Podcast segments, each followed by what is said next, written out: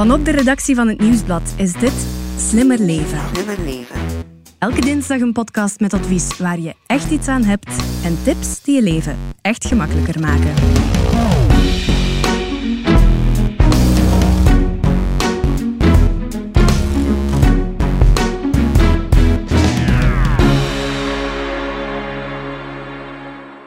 Meer dan 6 op de 10 jongeren kampt met mentale problemen. Dat is een erg somber cijfer. En het heeft veel te maken met de moeilijke coronatijden waarin we nog altijd zitten. Reden genoeg om eens dieper in te gaan op die psychische problemen bij jongeren. Ik ben Elias Meekens en bij mij zit Stefanie Verelst, vaste redactrice van de podcast. Hey, hallo.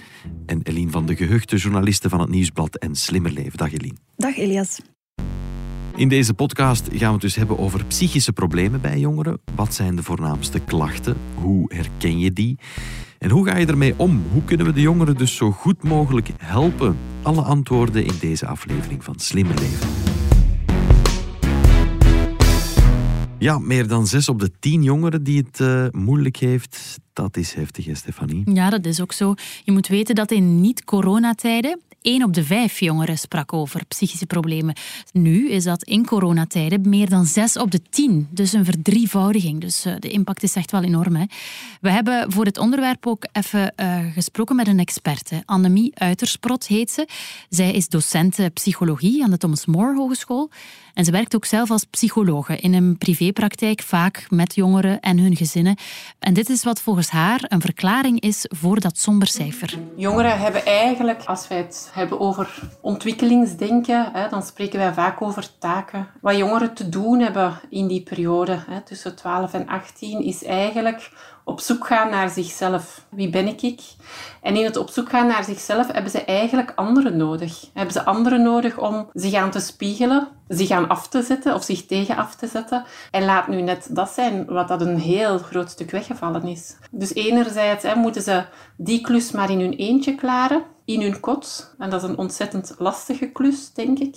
En anderzijds denk ik dat ook verveling heel veel doet met een mens. En zeker met jonge mensen. Ja, hun hobby's zijn weggevallen. Uh, ze kunnen niet op café gaan, ze kunnen niet uitgaan. Zelfs op de speelplaats, middags op school, wat kletsen met elkaar. Dat is voor een stuk weggevallen hè, door al dat thuisonderwijs. Hun wereld is eigenlijk heel klein geworden. Ze hebben het gevoel dat er um, geen perspectief is. Hoe ga ik ooit nieuwe vrienden maken, bijvoorbeeld? En daar worden ze eigenlijk ja, heel onzeker en angstig van. Mm.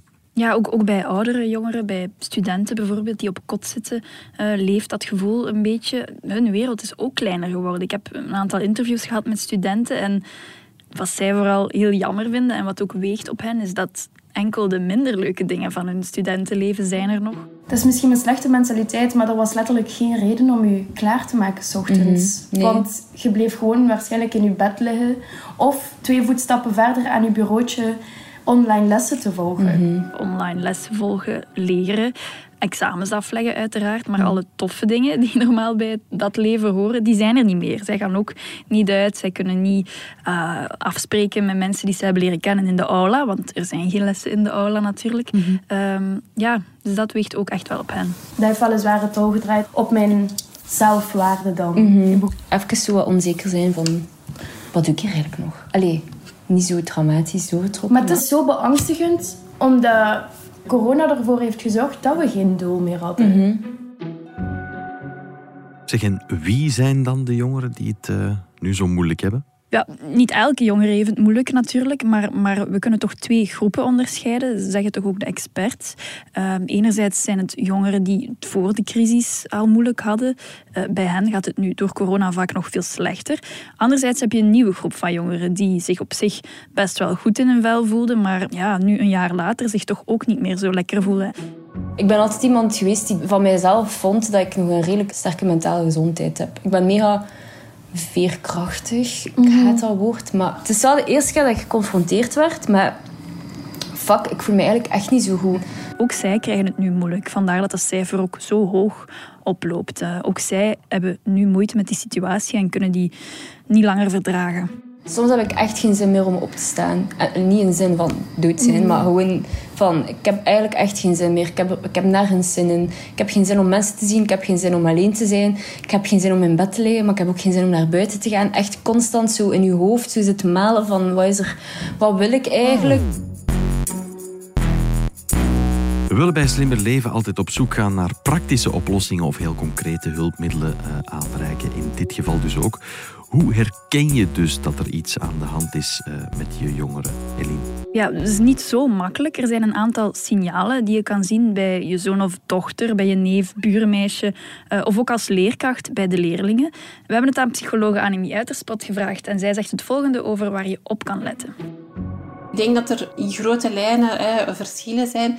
Een stukje afhankelijk van temperament, een stukje afhankelijk van karakterstijl. Hè. Je hebt jongeren die zich eerder zullen terugtrekken als ze bezorgd zijn, en zich eerder zullen terugtrekken op hun kamer, op hun eentje, minder spreken, moeilijker slapen, moer zijn, meer fysieke klachten hebben.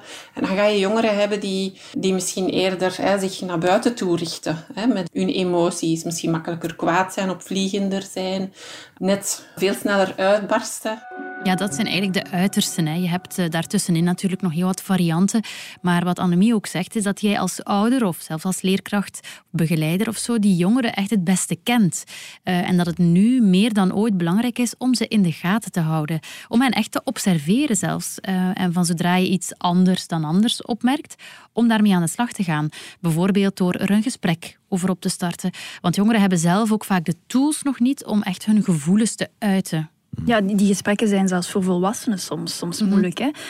Um, nu bij de iets oudere jongeren, bij studenten dan, vaak leven die ook samen op een, op een kot, op een studentenkot. Zij hebben iets meer tools om met elkaar over die gevoelens te praten. En dat helpt wel natuurlijk, maar, maar toch voel je die eenzaamheid, die, die speelt daar echt wel een, een grote rol. Zeg, in zo'n gesprek, hoe pak je dat best aan? Wel, als je als volwassene vragen stelt, dan helpt hen dat op weg. Het klinkt zo simpel, hè, maar het is wel zo. Um, je kan hen ook bijvoorbeeld aanmoedigen om wat ze voelen uit te spreken, uh, uit te wisselen met leeftijdsgenoten. Al is dat via WhatsApp of FaceTime of zo, hè, want je kan niet altijd zelf fysiek afspreken. Maar moedig hen echt wel aan om uit te wisselen, om te praten met anderen daarover. Dat is toch wel een belangrijke. Oké. We gaan het zo meteen nog hebben over hoe je een gesprek over de mentale moeilijkheden van een jongere best aanpakt, stap voor stap, en wat doe je beter niet. Maar dat is voor zometeen. Hey, ik ben Xander. Wist je dat een dunne ijslaag van 3 mm in je diepvries het energieverbruik met 15% doet stijgen? Voor de podcast Ik geloof erin van Engie ben ik op zoek gegaan naar mensen zoals jij en ik die met kleine ingrepen streven naar een toekomst die duurzamer is. Luister naar de verhalen van Moenia, Jan, Laura en Jens op Spotify, op Apple Podcast of op YouTube. In elke aflevering geeft een expert van Engie ook praktische energiebespaartips.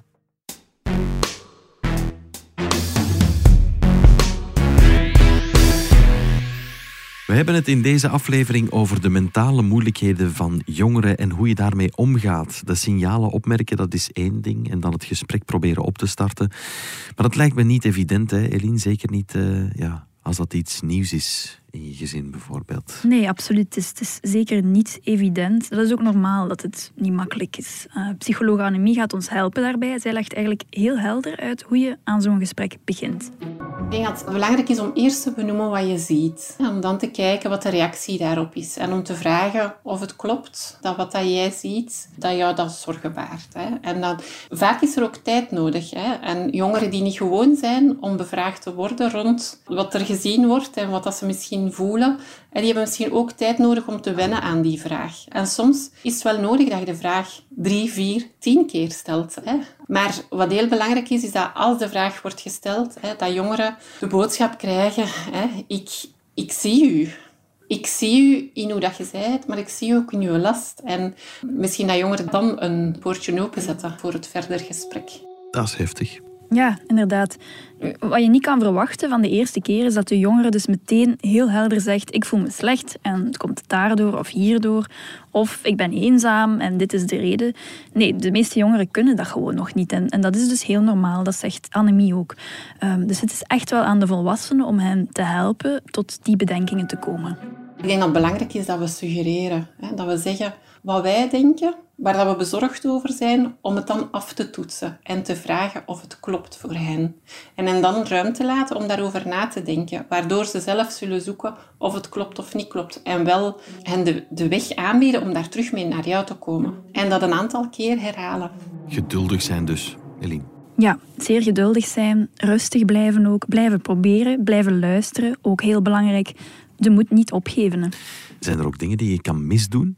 Ja, we zijn allemaal maar mensen. Hè. Ehm, als je jongere bijvoorbeeld zou uitbarsten ineens of heel boos zou worden, zelfs agressief, dat kan.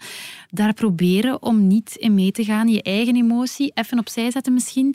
Probeer rustig blijven, zodat de jongere weer ook bedaart. En dan kan je voort aan de slag. Maar probeer dan niet de, de escalatie nog groter te maken. Maar dat zijn valkuilen waar we allemaal wel eens intrappen. Maar het is wel goed misschien om ons daarvan bewust te zijn.